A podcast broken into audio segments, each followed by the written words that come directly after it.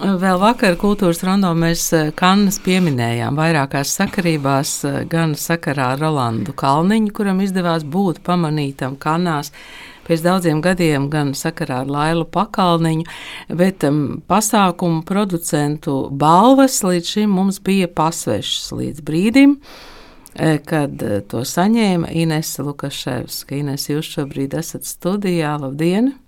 Labrīt! Tas jūsu ceļš līdz kanām, nu, es pieļauju, ka nav tā, ka Inese skolniece mācās skolā un domā, es būšu pasākumu producente un kanās saņemšu balvu. Nē, es nekad neesmu par to sapņojis. Man vienmēr to cilvēki saka, ka acīm redzot, tu par to esi sapņojis, un redz, kā tavs sapnis tagad ir piepildījies. Es nekad neesmu sapņojis. Es ļoti godīgi, un es nekad pat nezināju, ka tāds konkurss eksistē, gan šis, gan arī daudz citi. Mums ir cits pārsteigums, drīzāk pārsteigums no tā, ka pārsteigums ir citiem. Jo šī mums nav pirmā, šī mums ir 11. godalga pasaulē. Un ir uzvarēti arī tādi nu, lielāki konkursi, kurus mēs saucam par savas nozares Oskariem. Un, jā, pēdējo trīs gadu laikā šī ir jau 11. godalga. Un, mums pašiem varbūt tās tas drīzāk tāds pārsteigums un šoks, jo mēs braucām ar domu, ka mēs neiegūsim neko. Un, un, un ar tādu dīvainu noskaņojumu es braucu mūžīgais optimists. Vienkārši es reāli apzinājos, kādi ir vērtēšanas kritēriji un kā tiek piešķirts balvas un godalgas. Bet nē, es ne skolas gados, kurus es diezgan vāji atceros, par to nesapņoju. Mans dzīves ceļš ir, man liekas, gājis tāds augšup lejup, sākot no žurnālistikas un, un beidzot, jā, protams, ar režiju un producēšanu. Bet eh, žurnālistika, ko jūs darījāt žurnālistikā? Es strādāju televīzijā, sāku ar tādu, manuprāt, pirmo komerc kanālu, televīziju, kanālu 4. Attiecīgi arī gāju katru vakaru ēterā, veidoju sižetus, pa naktīm montēju, un principā televīzija bija ļoti daudz gadus mana dzīve, un es ar to elpoju, līdz vienā brīdī man apnika pārāk daudz elpo man mugurā. Šobrīd um, reputācijas vadības aģentūra Luka, tā ir jūsu radīta aģentūra.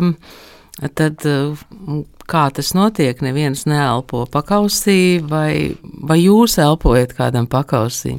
Um, noteikti ka elpo, un jebkurā nozarē elpo. Tikai, nu, ja mēs atgriežamies pie televīzijas, tur ir tā specifika, kā jūs paši labi ziniet, ka ir tas mīts saistībā ar kaut kādu publicitāti un, un, un slavu, ko tev kāda noteikta darba pozīcija, ja teiksim, var nest un cilvēki varbūt to ēnu pusi neredz. Viņi, viņi redz to, to iespēju kļūt par uh, uh, atpazīstamu cilvēku, un viņi tas ļoti kārdina. Un, un tur ir tas varbūt tās teiksim, kaut kāds aspekts, bet, uh, bet uh, protams, ka arī manā jomā ir daudz, un, un Luka tiešām ir manis uh, lolots vēl viens bērns, un, un es ar to ļoti lepojos, jo tad, kad es dibināju Luku, tad mums pat ir zem nosaukuma, ka mēs pavilkām tādu sarkanu strīpu, un es gribēju uzsvērt, ka mēs strādājam vienmēr ētiski.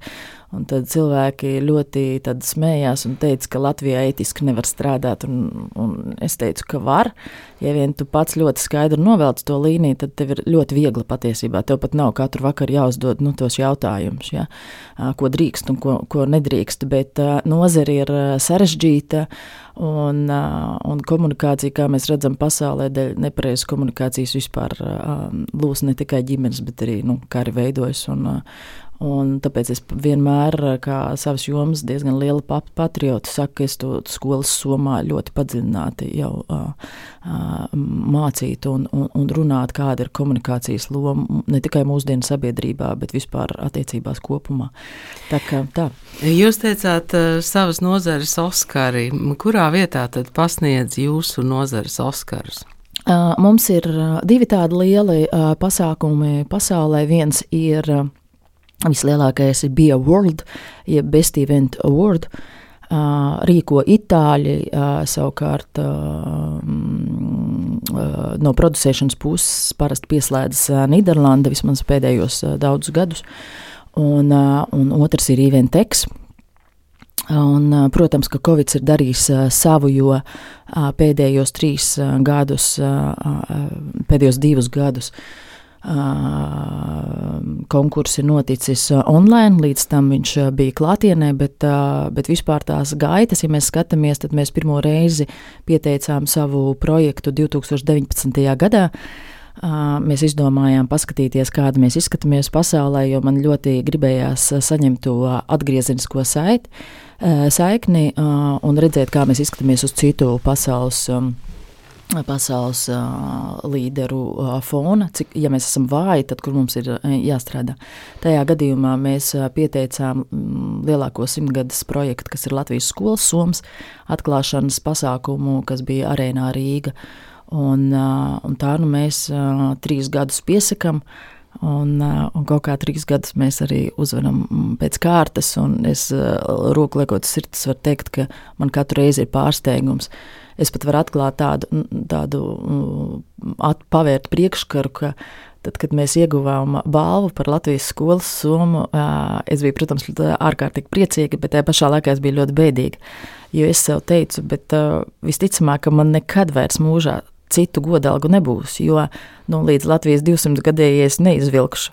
Un, tādi pa pasūtījumi projekti mums ir reizi simts gados, bet uh, tie, kas piesaka savus darbus, teiksim, no uzņēmumiem, zīmoliem, uh, arī valsts pašvaldībām, ļoti daudz projektu ir. Viņiem tā ir ikdiena. Ja teiksim, uh, pāris miljoni vienas dienas pasākumiem, viņiem tā ir ikdiena. Mēs pat sapņot par kaut ko tādu nevaram. Bet redz, kā izrādās, ka var arī taisīt brīnums ar ļoti mazbudžeta lietām. Izstāstiet, eh, kāda bija šī mazbudžeta lieta un kā jūs to varējāt prezentēt, jo tas notikums jau ir noticis, tad tā bija video prezentācija. Nē, vienmēr nu, tā konkursa, visu konkursu princips ir diezgan vienāds no tā viedokļa, ka tiek iesniegts pērnā gada kāds darbs.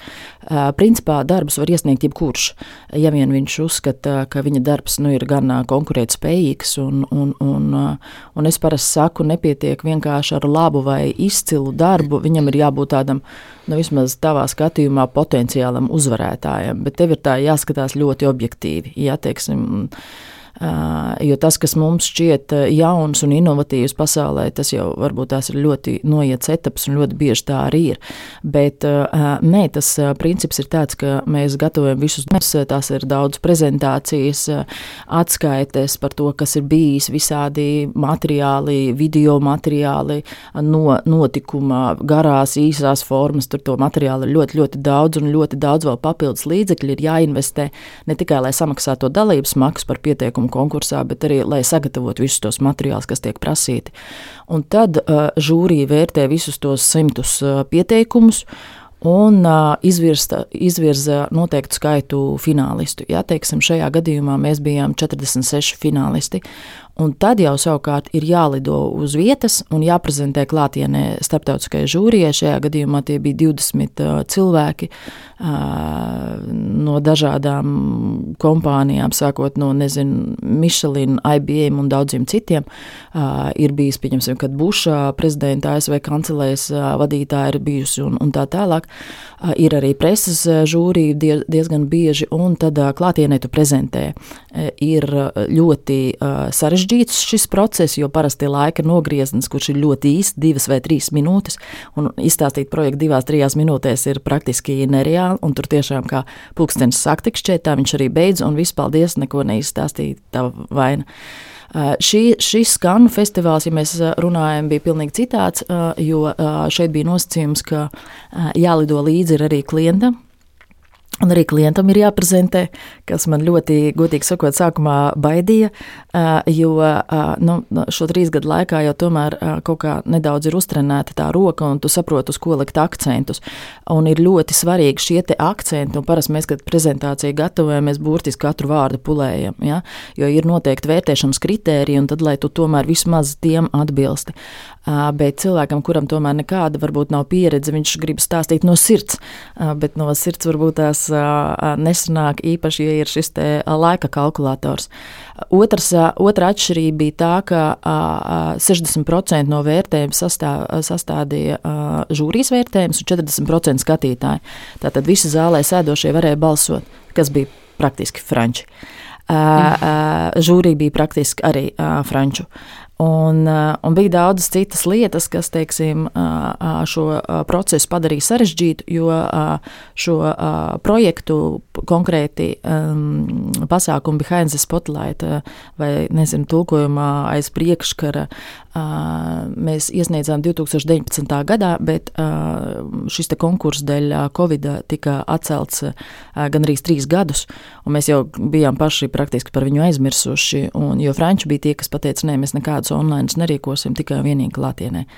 Un tā, tā, tā, tā nu sanāca vēl plus tas, ka um, konkursa organizatori šogad nolēma nevis uh, katru gadu uh, vērtēt atsevišķi, bet visus salikt kopā. Uh, Un paši saprotiet, tas nozīmē trīskāršu konkurence, ja teiksim, jo kopā ar darbi nevis par vienu gadu, bet 19, 20, 21. Un vēl viņi izdomāja nevis atdalīt klātienes pasākumus no online pasākumiem, bet arī tos vēl visus salikt, kas, manuprāt, galīgi nav pareizi, jo kā var vērtēt online pasākumu ar klātienes pasākumu, bet tāda tas bija. Savukārt, kas attiecās uz pašu pasākumu, uh, Behind the Spotlight, tad uh, tā bija tāda, es teikšu, ka tas pasākums bija tīra pašnāvība man. Uh, paskaidrošu, kāpēc. Uh, pirmkārt, pasākuma ideja bija tāda, ka uh, mēs vienmēr atnākam uz pasākumu un redzam gala rezultātu. Vienalga, vai, ir, vai tā ir izstāde, vai tas ir koncerts, bet tas radīšanas process ļoti bieži ir simtreiz interesantāks. Bet tur jau skatītāji netiek Un vienlaikus arī man gribējās parād, palīdzēt industrijai, jo es kaut kā arvien vairāk pēdējā laikā jūtu, ka tā attieksme pret pasākumu rīkotājiem un producentiem ir, ka viņš ir tāds sava veida tikai sagādnieks. Nu, piezvan taču uz telpām, piezvan ēdinātājiem, lai tur kāds parunā, padzied, viss pasākums. Ar to arī man misija beidz. Un kas, protams, ka nav vismaz mūsu pasākumi tādi noteikti nav, ja es tam neesmu vajadzīga, un man gribējās parādīt, kā tad top pasākums. Un es izdomāju, ka es visu pasākumu uzcelšu uh, skatītāju acu priekšā. Uh, kad skatītāji ieradās, viņi uh, domāja, ka viņi ierodas vienkārši uz nu, uh, pasākumu, skaistu, ekskluzīvu pasākumu. Pasākums notika Rīgas kinostudijā. Uh, Bet, bet tad, kad viņi ieradās, tad viņi ieraudzīja atvainojos, vecu pusagruvušu paviljonu, kurā gulēja uz galda divas balētājas. Pie ielas stāvēja puisis, aktieris, protams, kurš žagojās katru reizi, kad kāds no, gāja garām. Viņš tēloja ierēbušu, arī izbijušu balētāju. Un, un nekā tur nebija tajā, tajā paviljonā, absolūti nekā nebija. Un, un, un tā mēs izvedām skatītājus cauri trim emociju tādām stadijām. Pirmā bija šī šoks. Jo mēs mēģinājām viņus pārliecināt, ka skatītājs, ka viņi ieradušies ne tad un ne tur. Nu, un tad uh, ieradās Mistiskā Rīgas kinostudijas uh, direktori, kur arī mēģināja pārliecināt, ka viņiem ir jāiet projām. Mums bija pat scenārijs B, ko darīsim, ja gadījumā tie skatītāji tiešām, tiešām saka, iet prom. Jā. Tieši tā, ja viņi skrien projām. Un, un, un, un kāpēc šāda epizode? Tāpēc, ka tas ir bieži tā, tā, tādas telpas mēs saņemam, tad, kad mēs sākam strādāt, tad, kad mēs sākam uzbūvēt to visu. Tad, kad mēs jutām, ka viss ir gatavs, mēs vērām vaļā visus paviljonā vārtus un sākām uzbūvēt, sākām laist fermas, gaismas, nesām iekšā galdus, visu, visu, visu uzbūvi. Mēs tajā visā iesaistījām skatītājus, lai viņi kļūst par pasākumu rīkotājiem. Ja? Viņi nevis statiski tur stāvēja savā vakarklētās, bet viņiem vajadzēja arī visā uzbūvē piedalīties. Un to daļu mēs nosaucām par haosu, un tad, kad mēs savukārt to pabeidzām, un šeit bija ļoti liels izaicinājums, jo es gribēju uzbūvēt visu 40 minūtēs. Jo es sapratu, ka pēc tam tas jau paliks garlaicīgi. Un tad, kad tas viss tika uzbūvēts, tad savukārt jau skatītāji ieņēma savas vietas, un, un, un īstā izrāde sākās ar operas ārijām, izpildītām, levitējot virs skatītājiem un, un, un pārējām lietām. Un, un kāpēc es teicu, ka tā bija pilnīga pašnāvība? Tāpēc, ka viss, viss jau tas pasākums tika uzbūvēts, jo viņš tika būvēts kā tāds kinematogrāfisks, choreogrāfisks uz, uzvedums. Viņš viss tika uzbūvēts skatītāju priekšā. Ja kaut kas noies greizi, es, atvainojos par terminoloģiju, visi to redzēs, tev nebūs kur paslēpties. Skatītājs, kā dzīves organisms, varēja arī ietekmēt rezultātu. Un piedāvājuma skatītājiem jau nav pasākumu rīkotāja pieredzes, bet man vajadzēja, lai viņi mūsu sitienu kļūst, lai katrs nospēlē to savu lomu. Pat ugunsdzēsējs, pat viesmīlis, jebkurš skatītājs, kuram savs scenārijs bija un skripts, lai viņš kļūst tajā vakarā par pasākumu rīkotāju. Jā, un tad sākās eiforija. Vai nē, vai jums nē? Jā, mazliet bija eiforija, un mazliet bija asinis, burtiskā nozīmē, jo man iepriekšējā dienā bija operācija, un es biju zem vispārējās narkozes, un kā tikko es pamodos, tā es lecu burtiskā nozīmē augšā un skrēju uz kinostudiju būvēt pasākumu, un es esmu ļoti atbildīga, kā man vīrs saka, slimi atbildīga. Un tad uh, pasākuma laikā vienkārši skatos, ka uz maniem uh, manējie skatās tā dīvaini, un, un tad izrādās asins sāka tecēt, uh, stress un, un veselība viss darīs savu. Tāpēc es saku, ka šis bija pasākums, kur burtiski ielīja asins.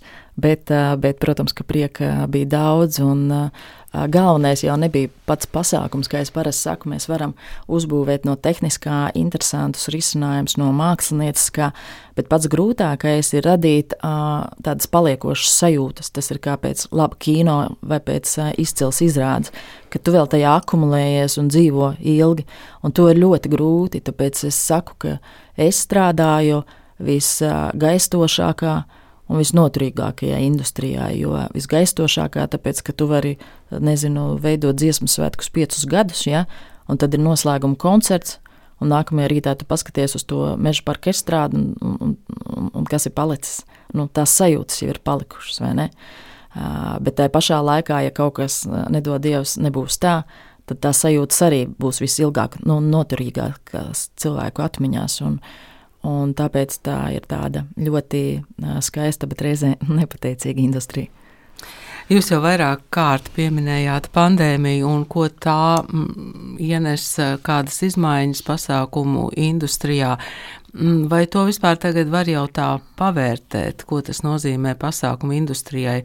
Nu, ņemsim šaurāk Latvijā, kur tirgus ir tāds, kāds tas ir. Uh, Un uh, tagad ir pāris gadi, kad cilvēki ir pieraduši mm, sēdēt divānā, nevis iet uz pasākumiem. Uh, jā, nu, uh, nenoliekšu, šie gandrīz trīs gadi bija nevis izaicinājums, kā, jo ir tādas atsevišķas frāzes, ko es ļoti bieži dzirdu. Piemēram, pārkvalificējieties, izaicinājums, domājiet citādi, ejiet strādāt pagaidām citā profesijā. Tās ir ļoti biežas frāzes, ko es dzirdēju, bet šis mums bija nevis izaicinājuma laiks, bet izdzīvošanas laiks. Jo, ja industrija nevar trīs gadus strādāt, nu, tad um, ir loģiski jautājumi, kur tev kaut vai gūt minimālus resursus, lai varētu nomaksāt jebkādus rēķinus, nodokļus un vispārējo. Nav pat runa par kaut kādām investīcijām attīstībā, jo mēs arī ļoti daudz līdzekļu zaudējām, jo mums bija tā specifika ir tāda, ka pasākumos, ka tu maksā uz priekšu, ja teiksim, kaut kādām scenogrāfijām, teiksim, nezinu, kaut kādām citām lietām. Un tu investē uz priekšu, ja, un pēc tam uh, bija dažādi, daudz un dažādi gadījumi, kad tie līdzekļi netika atgūti, jo uh, jo tika uh, likt atsauce uz uh, ārkārtas situāciju, force mažoriem un tā tālāk. Līdz ar to tas, uh, teikšu godīgi, uh, es esmu ļoti priecīga, ka mēs neesam nobankrotējuši, ja tā ļoti tieši, bet tā ir patiesība. Mm, jo, mm, protams, ka varēja rīkot online pasākumus, bet no vienas puses mm, sabiedrība un, un, un pasūtītāji nebija sākumā vispār gatavi tiem online pasākumiem. Otrs pēc tam atkal jau izpratnes jautājums, un, un, un kāds tie, šiem pasākumiem tiek atvēlēts budžets, ja teiksim. Un trešā lieta, kas ļoti, protams, mainīja tirgu, tas, ka um, bija daļa, protams, kas neizturēja pandēmijas laiku, bet, bet liela daļa vienkārši nolēma, ja tā drīkst izteikties, nolaist kvalitātes latiņu, ja tā teikt, ņemt vienalga kā un vienalga ko. Un tas ir tas, kas man arī ļoti bieži tika norādīts. Ņem vienalga, ko nolaid to savu kvalitāti, jo ar to savu mākslu tu nobankrotēsi. Un, un, un tas man bija ļoti smags dilemmas jautājums, jo no vienas puses sapratu, ka man ir jāizdzīvo, no otras puses nu, es nevarēju iedomāties likt savus vārdus zem kaut kāda pusfabrikāta. Nu, tā, jo, uh, cilvēkam jau neinteresē tie apkārtēji apstākļi, ka jā, tāda ir situācija, tāds ir tirgus, teiksim, ir grūtības un nozara nevar strādāt, un, un mums arī kaut kā jāpelna. Viņš redzēs tikai vienīgi, līmeni konkrēti. Viņa teiks, nē, nu, Ines, nu, es biju domājis, ka viņi taču tik labi strādā. Un tas man bija ļoti tāds uh, iekšējs smags jautājums, kā tad vispār turpināt strādāt. Un, un es teicu, nē, ka es uh, esmu gatava iet uz laucīt uh, ielas un pēc tam investēt uh, atpakaļ. Bet, uh, bet kvalitāti mēs uh, nenolaidīsim. Jo es uh, vienkārši pati sev to nepiedošu, jo uh, man liekas, ka ir kaut kas arī svarīgāks par naudu. Un, un manā gadījumā, laikam, viena no lietām ir tas, ka man tas cilvēks, kurš no rīta skatās spogulī, lai viņš man patīk, man tas ir ļoti būtiski. Tās um, sarkanās līnijas vai sarkanā līnija, ko jūs pieminējāt sākumā, tā joprojām pastāv. Jā, viņi pastāv, un, un, un tieši tā kā es arī teicu, ka ir ļoti viegli. Mm, man nerodas jautājumi, ko drīkst vai ko nedrīkst. Ja? Pat tad, kad izteikt kādi kārdinoši piedāvājumi, nu, piemēram, finansiāli, vai kur ir uz ētikas robežas, ja teiksim, bet kur parasti tomēr šis finansējums ir pietiekami labs. Jo es vienmēr saku, ja mēs nevaram principā vārdā atteikties no kāda darījuma, tad mēs nekādi nevaram sevi saukt par vienu no jaunākās profesijas pārstāvjiem, jo mēs jau esam vecākās profesijas pārstāvji. Un, es vēl joprojām dzīvoju ar to pārliecību, un, un, un es ceru, ka es arī miršu ar to pārliecību kaut kādā cerams vēl, vēl pēc daudziem gadiem. Jūsu klienti ir um, nu, uzņēmumi vairāk Mums ir valsts un pašvaldības ļoti liels klientu lokus, un patiesībā bija ļoti daudz gadi, ka tā bija tāda pamata bāze. Un plus korporatīvie drīzāk es neņemu privātos teiksim, pasūtījumus ļoti reti, precīzāk sakot, ļoti reti. Uh, un tad es saku, ka tad, tad man, man ļoti svarīgi, lai, lai mani grib, un mūsu tieši grib.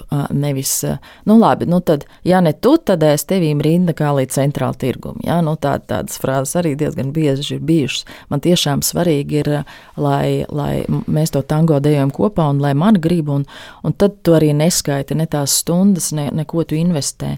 Jo es esmu ļoti daudz domājis, kas tad ir mūsu veiksmes pamatā, ja to vispār var saukt par veiksmu, drīzāk jau astronomisks darbs, bet arī konkurenti iegulda astronomisku darbu un jābūt kaut kādam skaidrojumam.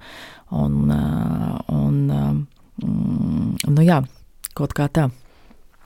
Kāda izskatās tā balva? Mēs visi zinām, kāda izskatās Oskara balva, kāda izskatās jūsu balva ļoti smaga, ja godīgi. Man liekas, viņas sver kaut kādus septiņus kilogramus. Pirmais, ko cilvēki prasīja, vai tas ir īsts zelts, mm -hmm. kad redzēja. Un viņa tiešām ir ļoti smaga, un es varu pateikt, ka man klients, jo klientam šis bija pirmais konkurss, kur arī viņam tika iedots tā, tad, tāda pati balva, un viņš, kurš bija atlidojis tikai rokas bagāžu, viņš teica, viss tagad, tagad, ko man tagad darīt vispār.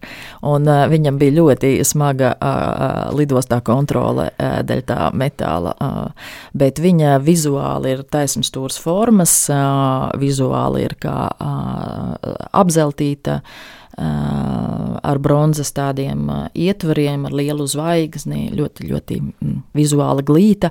Nav tāds prasts plastmasas bleķis, jo dažreiz arī iedod prastu plasmasas bleķi konkursos. Paldies jums šodien par sarunu. Es ceru, ka šī balva un arī tās citas, ko jūs novērtējat, eh, droši vien, ka jums eh, dod arī iedvesmu ikdienā, jo, jo gan jau, ka ikdienā arī ir tādi brīži, kad, nu, kad ir grūtāk nekā parasti, un tad varbūt paskatoties uz tām balvām, ir sajūta, ir vērts, un uz tiem cilvēkiem droši vien. Es teikšu, ka vislielākā vērtība manā darbā ir cilvēki, kurus es satieku. Otra, protams, ir tas, ka es varu realizēt kaut kādas savas mākslinieckās ieceres. Trešā, nemaz būtiskāka, es ar savu piemēru nesu pasaulē Latvijas vārdu. Un, un tas ir ļoti svarīgi, jo šādi konkursi dod milzu ieguvumu tieši valstī. Jo mēs parādām, uz ko mēs esam spējīgi, kāds mūsu cilvēku resursu, kapacitāte, radošums, spējas. Viņi sāk skatīties, kas tā par valsti, varbūt tās tur mums rīkot savus pasākumus un tā tālāk. Un es esmu tāds uh, riktīgs celmlauz, kas parāda, ka pat bez uh, mil, milzīgiem resursiem, sākumā arī vispār bez cilvēkiem un, un, un, un, un bez līdzekļiem, bez nekā, tu vari var tiešām izsist to ceļu uz pasaules, pasaulē. Un es ļoti ceru, ka tas mans piemērs iedvesmos citus neapstāties. Tad, kad ir grūti, tad, kad tad, kad nav nekā, tad, kad citi saka, ka, tev nekas nesanāks, tas ir tas, nē, tas nav iespējams, nē, sabiedrība nesapratīs, nē, no tevīm novērsīsies, ka tas nē patiesībā ir tas jā, ka tu patiesībā dari kaut ko pareizi. Un grūti brīži man ir ļoti daudz, es vienkārši neļauju sev pārāk ilgi raudāt, tad es sev saku, celies lupata, dari kaut ko, Un, un tad tā lupatiņa pieceļās un cerams izdara kaut ko, par ko visiem ir gandarījums šajos grūtajos laikos, ka mēs, latvieši, varam un varam ļoti daudz pasaulē. Paldies šodien par sarunu producentē Inesē Lukaševskai, reputācijas vadības aģentūras Luka vadītājai. Paldies!